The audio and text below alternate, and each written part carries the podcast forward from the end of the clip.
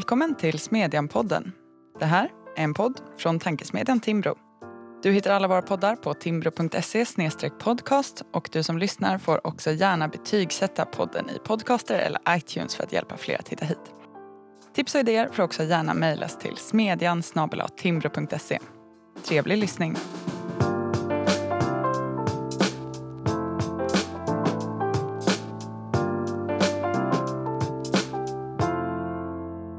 Välkommen tillbaka får man väl kanske säga då till alla lyssnare och till oss som sitter här i studion och på inspelningen. Jag har med mig Benjamin Dosa, VD på Timbro. Hej! Hejsan! Sven Dahl, chefredaktör på Smedjan. Hallå! Hej!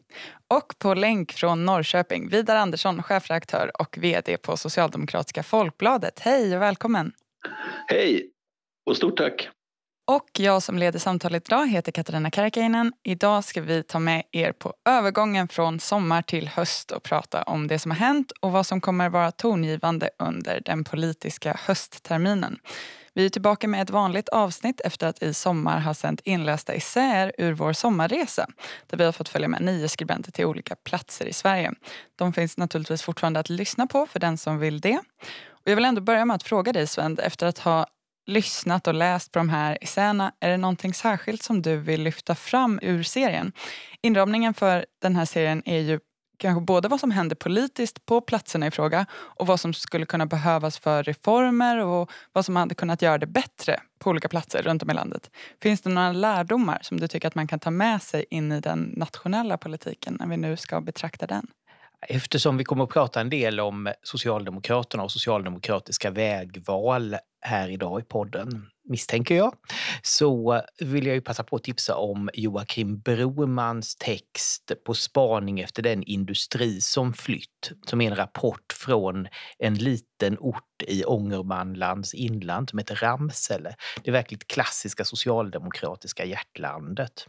Sen tycker jag också man ska läsa Tobias Samuelsson som skrivit en text om Eskilstuna. Och eh, den heter En annan del av sosse-Sverige. Och där skriver Tobias om Eskilstunas S-kommunalråd Jimmy Jansson som verkligen ja, valt en annan väg, inte minst i migrationsfrågan.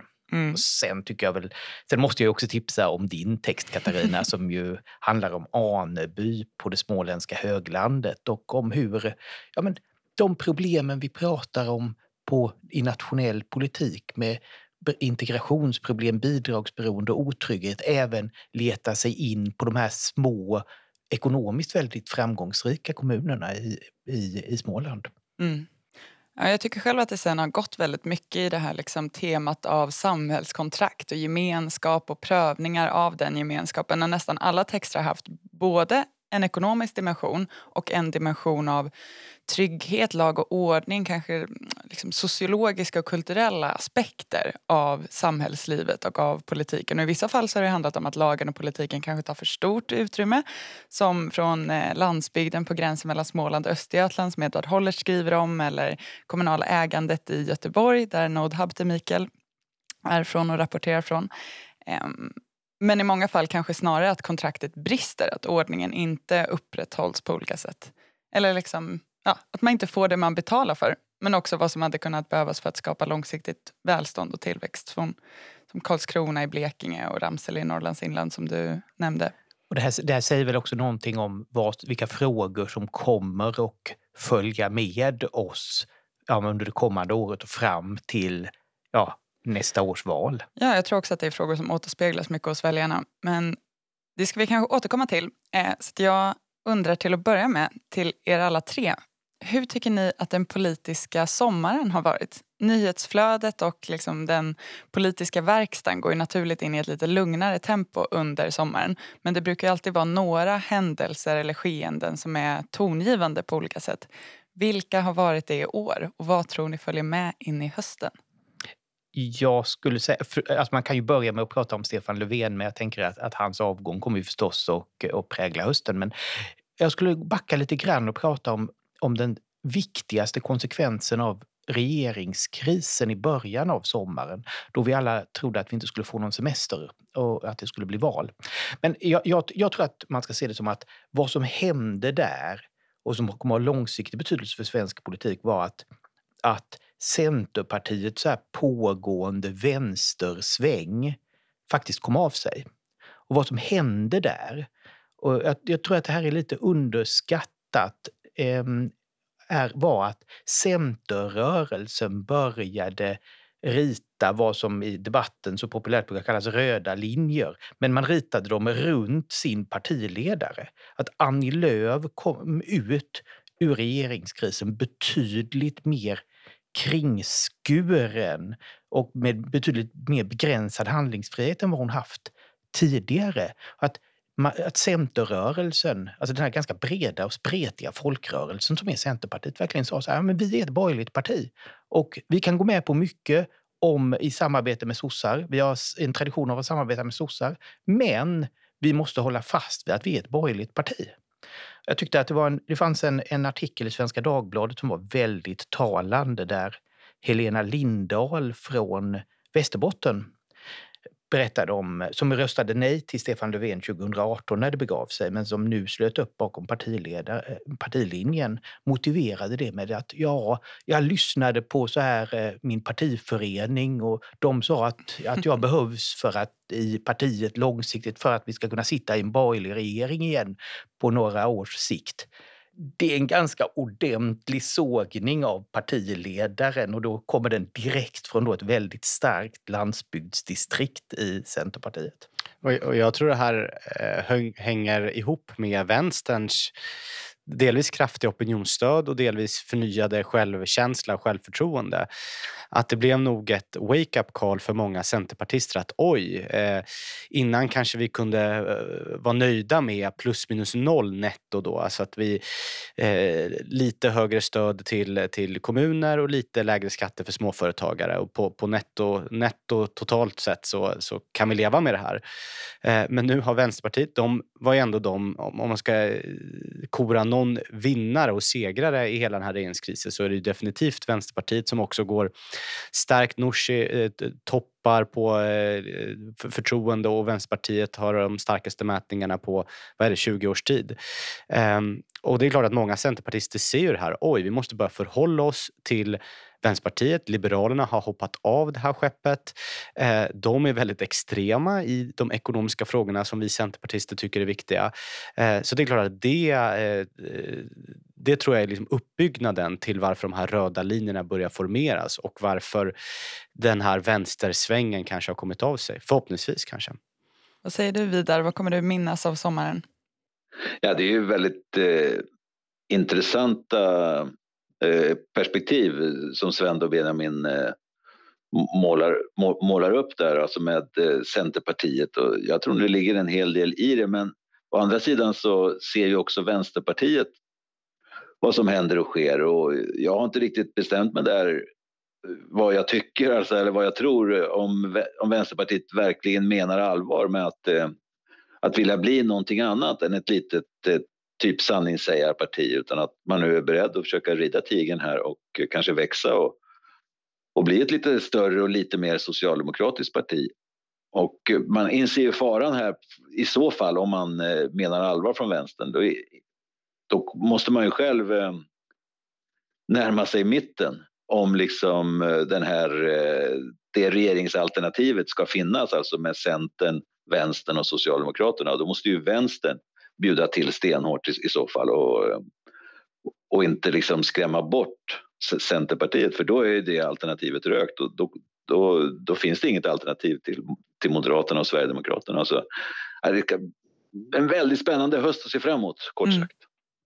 Det har ju också varit ett par enskilda saker som har synts i nyhetsbevakningen under sommaren. tänker jag. Dels naturligtvis fortsatt kriminaliteten och otryggheten. Den här skottlossningen i Biskopsgården i Göteborg som kostade livet för en 30-årig polisman. Ehm, men som man kanske på många sätt ändå, åtminstone ännu, har inte fått såna följdverkningar som man kanske hade kunnat tänka sig. Och det följer väl förvisso ett annat mönster de senaste åren av viss normalisering och eh, avtrubbning.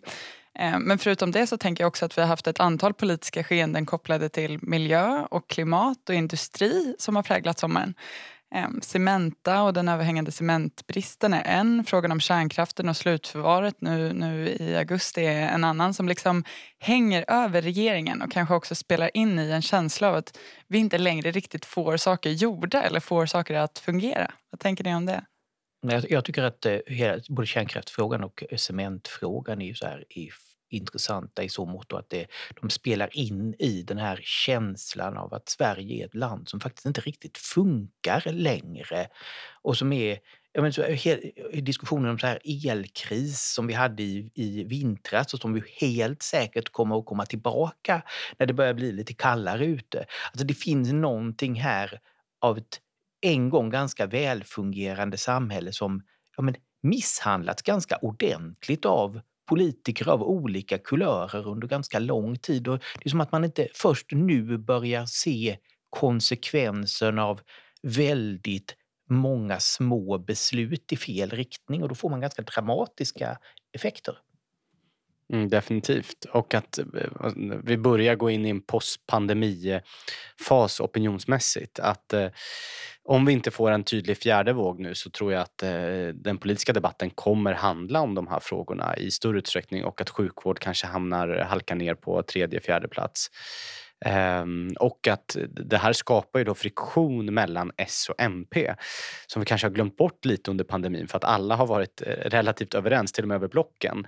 Så man har inte eh, sett de här eh, de, de splittringarna. Bromma flygplats kom ju här för någon dag sedan också. Så att, jag tror att det blir allt tydligare.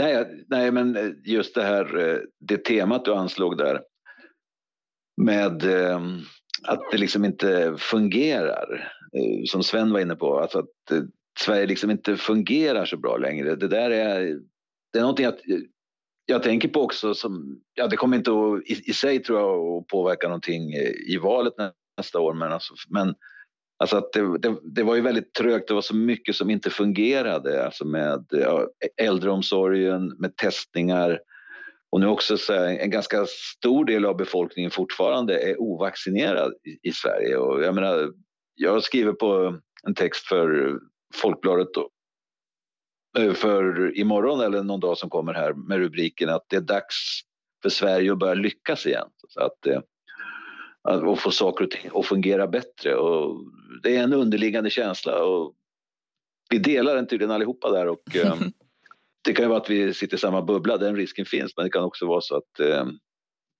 den, det är något som skaver så att säga, att, eh, hos, hos många människor. Mm.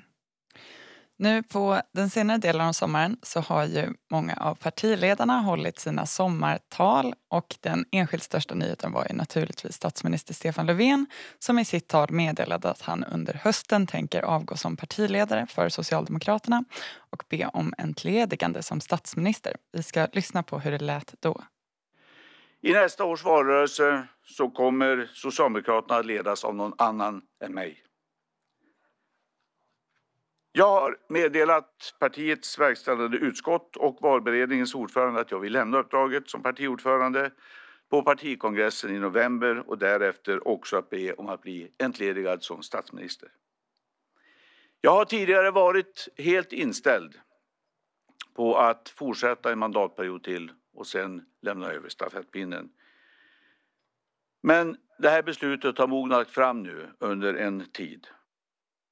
Ja, vad tänker ni om det här? Hur reagerade ni när ni fick höra nyheten? Vad var ni? Och var det överraskande tycker ni? Vad säger Vidar? Ja, jag hade nog nästan gett upp hoppet om att han skulle gå. för, för, alltså för en, en framgångsformel för Socialdemokraterna som ju ändå har regerat eh, 75 av de sista 100 åren här så är ju att man försöker byta ledare medan, den, eh, medan man har statsministerposten så att efterträdaren automatiskt blir statsminister. På, på det viset undviker man hårda falangstrider och eh, man eh, ser till så att, säga, att efterträdaren kommer in med den auktoritet som ämbetet ger. Och jag, jag hade trott att Löfven skulle ha avgått tidigare.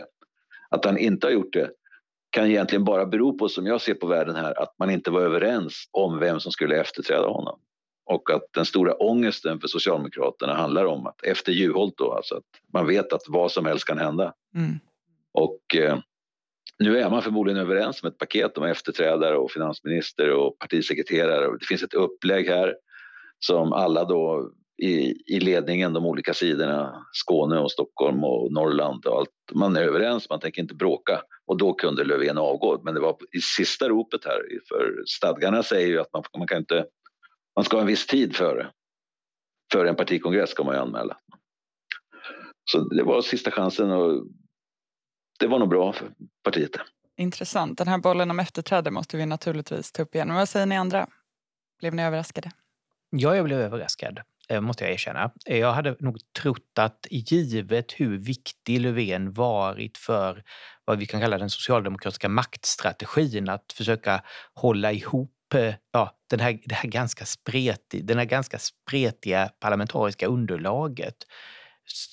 Och vilket ju kommer att krävas även under hösten inför budgetomröstningen och inför då, och efter nästa års val att det skulle ske ett skifte någon gång under nästa mandatperiod. Sen, sen, sen tror jag, sen är det klart att Vidar har helt rätt i den, den goda spaningen om att det är en klar fördel att byta partiledare när man har statsministerposten. Jag kan ju tänka mig så här att om Fredrik Reinfeldt hade lämnat över till Anna Kinberg Batra så hade Anna Kinberg Batra varit Sveriges första kvinnliga statsminister och blivit omvald kanske mm. rent utav. Så det, det, finns en, det, finns en, det, finns en, det finns ett smart drag i att gå nu, definitivt.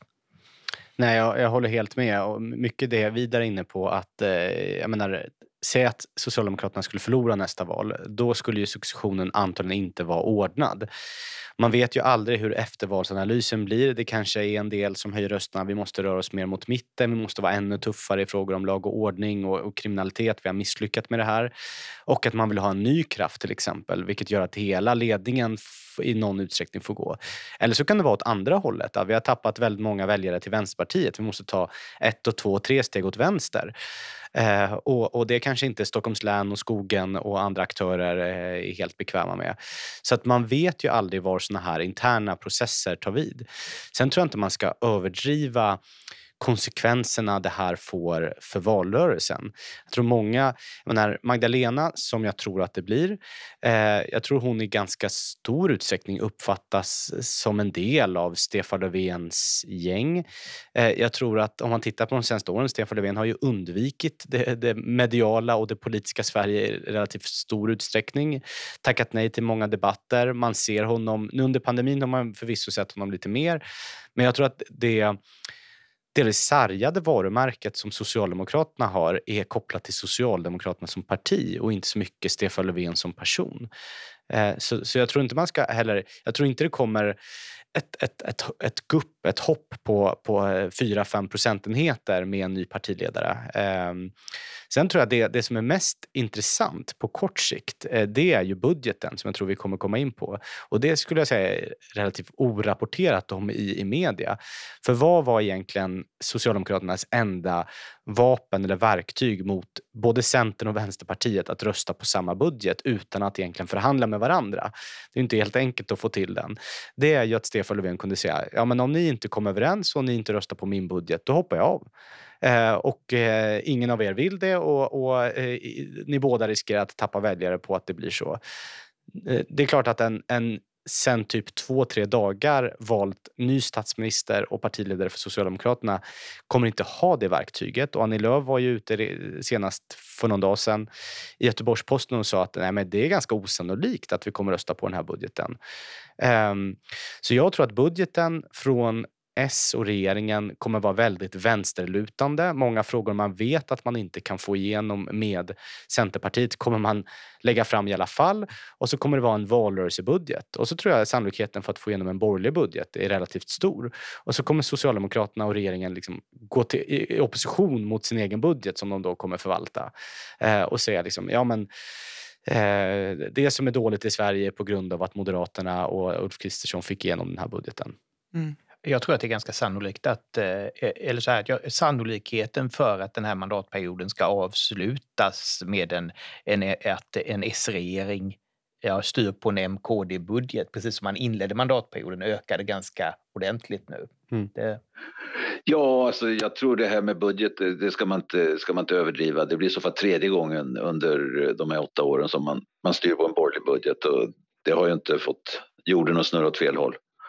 Utan eh, det, är ingen, eh, det är ingen stor sak, utan man eh, eh, och det är ingen stor sak i, i väljarnas ögon heller. Det blir tekniskt det blir eh, svårt att argumentera för. Utöver det som Benjamin är, är, är inne på, så att man kan i så fall skylla det mesta på Moderaterna ännu mer än vad man gör till vardags. Just det. Jag tänker ju också i den här lite större frågan att det som ni har varit inne på, ett försök för Stefan Löfven att avgå ändå i rätt tid innan det har börjat gå ännu sämre eller han förlorar ett val samtidigt som han lite grann kan ta problemen med sig. Efterträdaren kan gå in i valet med ett nytt politiskt projekt, ett ledarskap utan att vara alldeles för förknippad med mandatperiodens misslyckanden. Det tror jag är idén så att säga. Samtidigt så är ju åtminstone de som är mest aktuella, alla de som nämns för partiledarskapet, också personer som har haft Eh, positioner och varit med på partiets mm, politik och projekt de senaste åren i allra högsta grad. Så det återstår väl verkligen att se om ett sånt försök också lyckas. Det finns en del som tyder på att det inte skulle göra det. Ehm, men frågan som följer naturligtvis är ju vem blir då hans efterträdare och vad kommer det valet att innebära? Vad säger Vidar? Ja, jag kan egentligen bara säga att jag, jag har ingen aning. Utan Eh, jag känner mig väldigt säker på däremot att det, att det är färdigt och klart att det, att det är ett paket eh, tror jag med flera olika personer på olika poster och, och de som nämns det är ju eh, i den kretsen naturligtvis och säkerligen med någon överraskning då som, som kommer in från sidan men på de främsta posterna så är det de vi talar om. Det är, jag hoppas ju att man inte slänger bort den stora politiska begåvningen i, den här, i, den, i, i generationen av 50-åringar, det vill säga Mikael Damberg. Eh, som är eh, att man inte slänger bort honom, han blir förmodligen inte partiledare, men att han är med kanske som finansminister eller något annat. Och um, vad det betyder? Ja, det betyder ju nu i, i varje fall fram tills att uh, den här nya personen väljs att uh, vi talar om uh, socialdemokratins framtid så att säga mer än och hur ska det gå och så vidare i mer positiva ordalag än, än att liksom bara klaga på dem. Och, eh, mm. Det är ju något som ger lite vind i ryggen och så vidare. Och, eh, och sen en ny partiledare kommer ändå ha en pytteliten smekmånad tror jag. Och, och sen är det snart val så man köper sig lite tid här. Alltså det enkla svaret på frågan är väl så här att ja, sannolikt blir det ju Magdalena Andersson, men eh, som Stig-Björn Ljunggren, din redaktörskollega vidare, mm. skriver på Smedjan idag så är ju så här partiledarval är ju en så här processer där vad som helst kan hända och tänk om Magdalena Andersson inte vill. Det, ändå så att det, men det är klart att det finns, det finns ju ett antal intressanta personer och jag tycker en aspekt som, är, som fascinerar mig i den här processen och som jag tänkt på egentligen ja, men under våren, det är ju det är Mikael Damberg och Ardalan Shekarabi som ju är två namn som nämnts hela tiden, hur de aldrig på allvar gett sig in i det hela den här, den här kriget mot Sverigedemokraterna som Morgan Johansson upprätthåller. Och där man kan säga så här att ja, det, det är som att Mikael Damberg och Ardalan Shekarabi vet att en dag kommer vi att behöva förhandla med Sverigedemokraterna, att vi måste anpassa oss till det här nya parlamentariska läget och då kan vi inte, då kan vi inte, ja, klättra upp på den här väldigt höga hästen som en del som, som ja, men egentligen som Löfven gjort eftersom han valt det som den, sin parlamentariska eh, strategi, vilket ju varit framgångsrikt förstås.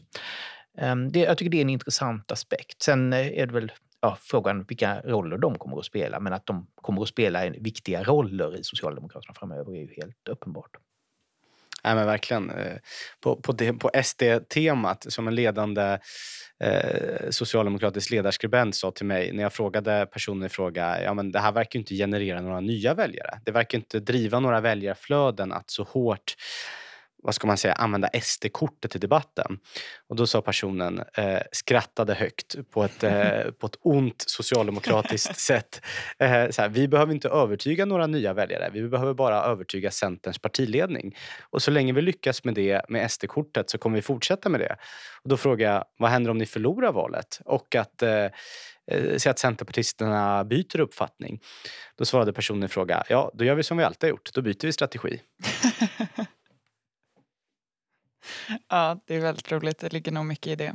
Jag kan verkligen rekommendera den här texten som du nämnde, eh, Svend av Stigbjörn Ljunggren, om det inte blir Magda som är publicerad på, på Smedjan idag. Om inte annat så ger det en intressant inblick i socialdemokratin, även om det sen skulle bli hon så att säga. Eh, I övrigt, framåt hösten då? Vad, hur tror ni att det kommer bli? Vilka politiska frågor kommer att dominera dagordningen? Är det någonting nytt jämfört med det senaste året? Det jag tror eh, kommer bli väldigt intressant att följa det är ju det politiska innehållet på S-kongressen också. Eh, Magdalena Andersson släppte ju den här rapporten för, det var ju innan sommaren, eh, där man bland annat föreslog en förmögenhetsskatt, ett tak på ISK till exempel. Och sen halvt backade man från det efter stark kritik. Min bild är ju att man internt känner ett starkt behov av att ändå ta något steg åt vänster eh, för att eh, ja, inte blöda fler väljare till, till Vänsterpartiet och för att hitta sin identitet lite. Vad fyller S för funktion i Sverige eh, för väljare som traditionellt ändå har ett steg till mittenvänsterväljare?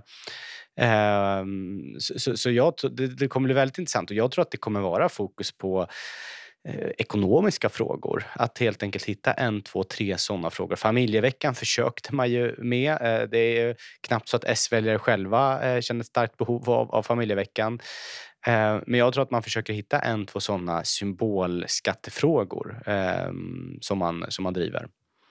Sedan kommer ju eh, frågan om brott och straff ofrånkomligen att vara stor under hösten och kommer vara stor in i valrörelsen. Alltså det, jag tycker det är intressant så här hur den ju de senaste åren gått till att bli en av de absolut viktigaste frågorna för väljarna. Och hur den, ja men den ligger stabilt som rankad som den kanske viktigaste eller näst viktigaste frågan. Och det här är någonting som man kan säga så här att väldigt få politiska partier är riktigt bekväma i, i den här frågan. Eftersom menar, alla, alla svenska politiska partier är ändå så här formade utifrån en höger och vänsterkonflikt. Så här, både Moderaterna och, eh, och Socialdemokraterna skulle älska en valrörelse där de fick puckla på varandra över, över förmögenhetsskatt och ISK. Det, är så att, alltså, det sitter i ryggmärgen. Men hur ska man hantera de här sv riktigt svåra frågorna kring, kring så här, gängkriminalitet och så? Jag tycker att det Samtidigt som man måste det för att ha trovärdighet gentemot väljarna. Vad tror du kommer att eh, vara dominerande under hösten och kanske också påverka valet så småningom? Vilka frågor kommer att vara viktiga? Ja, det som påverkar valet är i så fall det som eh, får väljare att flytta sig mellan eh, de block som vi nu ser, eller de är väl inte helt färdiga kanske, men alltså de, eh, de olika regeringsalternativ som finns. Det är ju det och nu är det ju väldigt jämnt och eh, Eh, då är det väl förmodligen så att eh, när det gäller migration och i vart fall så kanske inte så många fler kommer att flytta sig. Alltså för där har det varit eh, de, de moderater och socialdemokrater och de från soffan som var, var, var, var möjliga har vi förmodligen redan gått till, till, till, Sverigedemokraterna. Sen kan Sverigedemokraterna växa i alla fall men på andra meriter kanske att man visar sig vara regeringsdugliga eller, eller sådana saker. Och, och så. Men just när det gäller migration, sen brott och straff, det kan det vara. Alltså, men det, det är svårt. Det skulle vara om man kopplar något eh, man kopplar något nytt grepp på det och så vidare. Men det är ju ingen, det är ju ingen hemmaplansfråga för Socialdemokraterna. Det är det inte. Frågan är om så ekonomi, ekonomi och arbetslöshet eh, eh är ju sådana såna saker som också brukar vara viktiga och som möjligtvis eh, kan vara på väg upp och jag tror nog att eh, partikongressen där um, ja, när det gäller ek ekonomi som jag varit inne på och, och kanske också något nytt tag när det gäller arbetslöshet även om man brände sig väldigt mycket på det här med Europas lägsta arbetslöshet så, så kan det vara något nytt nytt på gång där. Sen så tror jag att alltså partiledarvalet, det kommer ju förmodligen då prägla den här kongressen och, och kommer att Eh, lägga band på Daniel Suhonens eh, reformister, den här fraktionen som försöker göra om Socialdemokraterna till någonting annat. Det lägger band på dem, de kan inte köra så hårt utan nu krävs uppslutning kring den nya partiledaren och sånt där och nu ska vi hålla ihop och det tror jag blir det stora temat. Jag tror inte nog man kan understryka, hur, som Vidar säger, hur jämnt det är. Mm. Efter sommaren nu, i en del mätningar kan det skilja så lite som 5 000 väljare. Eh, mm. Och i de mest generösa så pratar vi kanske 50-60 000 väljare. Det är väldigt, väldigt jämnt. Eh, jag tror att det här kommer vara en 2006 års valrörelse. Eh, inte 2010 där det var lite mer generösa marginaler utan det kommer vara jätte, jätte tajt. Och då kan en, även en Delvis så, så, tror jag att eh, vad ska man säga, det mediala utrymmet av vilka frågor, alltså har vi skogsbränder och översvämningar eller har vi skjutningar? Vad fokuserar media på här och nu? Det kan påverka eh, ingången i valrörelsen. Jag tror också någon slags bandwagon vinnarstruktur. Alltså just nu så är det väldigt få väljare som överväger att byta, om vi då ska kalla det block eller regeringskonstellationer. Men inom blocken, alltså att gå från S till C, att gå från S STV eller från MP till S. Där ser vi ju tydliga flöden och samma sak på ska man säga, i det borgerliga lägret eller på högersidan. Eh, titta utbytet mellan M, KD, SD till exempel. Det är alltså hundratusentals väljare som, som bara över sommaren har hoppat mellan de här tre olika partierna. Och jag tror att det eh, kan påverka även marginal mittenväljare. Säg att S, eh, om S ligger på 28 procent och har lyckats trycka ner både MP och V och visar att det är vi som kommer leda det här projektet. Det är jag som ska bli statsminister och på samma sätt på högersidan om Moderaterna eh, tydligt går ut som det stora borgerliga eller det stora partiet till höger så kan det gynna lite. Men om vi vänder på, på, på steken, säg att S är nere på 22-23 procent. Eh, både eh, ja, och Vänsterpartiet går väldigt starkt till exempel. Då tror jag en del mittenmarginalväljare kan bli lite skrämda. Jaha, kommer det här projektet vara väldigt vänsterlutande? På samma sätt på högersidan, säg att M har 24 och eh, SD har 17-18. Ja, det är en sak. Men säg att SD ligger på 22 och M på 20. Jaha, kommer det här vara väldigt SD-lutande? Eh, det kanske jag inte riktigt vågar rösta på. Så jag tror också de inbördes storlek inom eh, blocken eller klustren, vad man nu vill kalla det, tror jag kan påverka marginalväljare mellan blocken. Sen i, i ett sånt här jämnt val blir ju också frågan om spärren jätteintressant. Alltså vi, har, vi har ju flera partier som ligger under eller precis kring spärren. Och det är ju, alltså där, tror jag, där tror jag det finns en, en poäng. Kommer så att miljö och klimatfrågan får den mm. mycket uppmärksamhet under sommaren 22 eller fram till nu det kommande året, ja då kanske det är så att Miljöpartiet klarar, klarar spärren tack vare det. Samma sak med, på den borgerliga sidan, så här, kommer Liberalerna att klara, klara spärren? Ja, men det kräver förmodligen att man klarar av att börja bete sig som ett sammanhållet parti och inte för krig med varandra inför öppen ridå. Och det tycks ju ligga ganska långt bort. Men jag tänker också att det är ju lite som det vi började med utifrån de här essäerna. Det är mycket lag och ordning som dominerar och förhoppningsvis tillsammans med ekonomiska frågor givet det ändå väldigt svåra läget som vi går in i nu med arbetsmarknaden, bidragsberoendet, en annan sån aspekt. Och här måste man ju säga att Socialdemokraterna faktiskt kanske inte har det bästa resultatet att visa upp efter de här mandatperioderna. Det går faktiskt riktigt dåligt i vissa aspekter vad gäller ekonomin men ännu mer brottsligheten naturligtvis som man är förknippad med. Och där ser man ju också att mittenväljarna, som de som varken ser sig själva som ståendes mycket till höger eller mycket till vänster, är mer negativa till samhällsutvecklingen än tidigare. De brukar vara relativt neutrala, men de mest prioriterade frågorna är tydligt uppdelade i den här gruppen mellan lag och ordning å ena sidan och miljö å den andra. Så det är klart som ni säger, det kommer påverka mycket vad, vad, vad som hamnar längst upp på agendan. Tidigare har det väl varit till exempel sjukvård som har kommit högt upp i, för mittenväljarna men nu är det alltså de här två tongivande frågorna. Vilket möjligen också skulle kunna tala för borgerligheten om till exempel ett parti som Moderaterna lyckas bibehålla ett ganska högt förtroende i miljöfrågor samtidigt som de som tycker att lag och ordning är viktigt kanske inte kommer att överväga Socialdemokraterna efter de här åtta åren. Men det är ju som ni säger, det är mycket, mycket jämnt mellan blocken och för borgerligheten så kommer det med stor sannolikhet vara avgörande vad som händer med Liberalerna. Så vad tror ni? Hur ser trenden ut? Kommer de klara riksdagsspärren? Och vad hade ni gjort om ni var Liberalerna? Ett år kvar till valet. Nej, nyckeln är väl att bygga trovärdighet i det vägvalet man gjort. Alltså att verkligen, överty- att verkligen göra det tydligt för väljarna att det är faktiskt en röst på Liberalerna är en röst på en borgerlig regering. Att göra det trovärdigt så att tillräckligt många väljare i det här MKD-SD-klustret där det finns ett väljarutbyte även tänker in Liberalerna i sin kalkyl och eh, att man, att man på så sätt klarar, klarar spärren. Men det kräver ju att man, att man gör det extremt tydligt att man är ett borgerligt parti och att en röst på Liberalerna är en röst på en, på en, en, en moderatledd regering.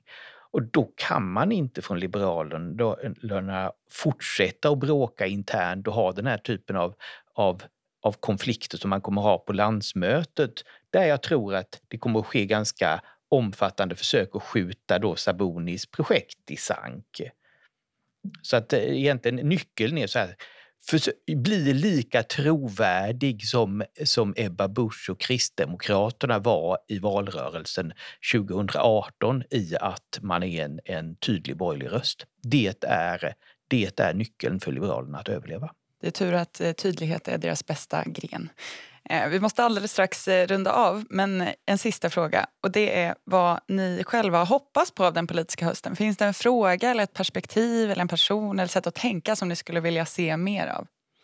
Eh, min, min förhoppning är verkligen att, det här, att, den, att den spaningen som både jag och Benjamin var inne på i början, att, det, att, vi, får, att vi ser fortsättningen på den, på den utvecklingen, att Centerpartiet börjar hitta tillbaka till, till, till borgerligheten. För att det är helt uppenbart så att, att svensk borgerlighet mår bättre när, när de fyra partierna som ingick i alliansen är, är, är sams med varandra. Vad säger du Vidar? Ja, jag hoppas ju att eh, Socialdemokraterna på något sätt ska kunna eh, ska kunna skaka av sig Miljöpartiet. Alltså det, här, det här samarbetet är, är, är väldigt skadligt alltså för det som, eh, som konstituerar socialdemokratins eh, framgångsfaktorer. Att låsa in sig med ett sådant parti eh, som Miljöpartiet som är så udda och så litet och så folkfrämmande gentemot eh, de socialdemokratiska möjliga väljargruppen. Det är, det är en stor olycka. Jag hoppas att det ska kunna lösa upp sig på något sätt. Det kan vi nog alla enas i. så att det, nej men jag, eh, två, två delar som jag saknar i den politiska debatten. Eh, delvis mycket av det Sven då och Vidar och Katarina var inne på i början. Att många av de här kriserna, cementkrisen, energikrisen, de är ju väldigt tillfälliga här och nu. Okej, nu förlänger vi Cementas tillstånd med åtta månader. Jag skulle gärna vilja se en politisk debatt som fokuserar på de reformer som behövs på lite längre sikt. Okej, men vilka förändringar behövs i miljöbalken för att faktiskt se till att vi kan öppna nya gruvor, att eh, Cementa får förlängt tillstånd, att vi kan bygga kanske ut både kärnkraften och vattenkraften. Eh, det, en, en, en sån eh, diskussion skulle jag vilja se. Det här påverkar hundratusentals jobb i Sverige och Sverige som industrination. Den andra frågan skulle jag säga, nu är det mycket fokus på brottslighet, invandring, brottslighet kopplat till invandring, den här BRÅ-rapporten som kom här för några vecka sedan. Eh, det är såklart viktiga frågor, men det som ligger vad ska man säga, under, det som är rötterna, bidragsberoende, sysselsättning, eh, sysselsättningsgraden hos invandrare till exempel. Vilka reformer behövs där? Bidragsfrågor, eh, öppna upp arbetsmarknaden.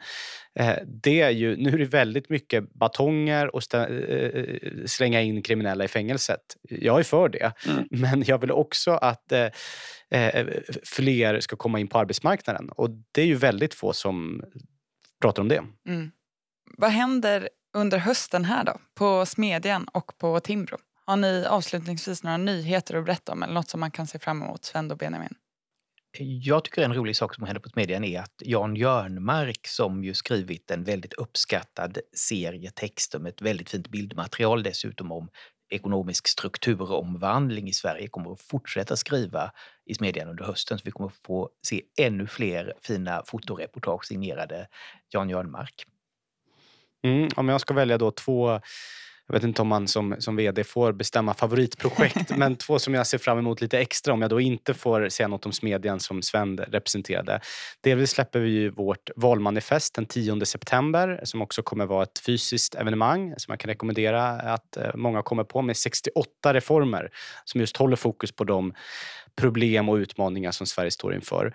Eh, och delvis eh, lite senare höst så släpper Johan Norberg en eh, ny bok. Så om man som jag kanske fick sitt politiska uppvaknande med Till världskapitalismens försvar så har man mycket att se fram emot på bokfronten i, i höst. Vi har verkligen mycket att se fram emot och mycket som vi kommer behöva återkomma till och följa och tänka och tycka kring tillsammans med er läsare och lyssnare. Och vi ser fram emot att göra det tillsammans med er. För idag får jag dock lov att säga varmt tack till Vidar Andersson, Benjamin Dosa och Sven Dahl. Tack också till er som har lyssnat. Glöm inte att betygsätta podden och kolla in våra artiklar på timbro.se median. Vi ses där och hörs igen här om en vecka.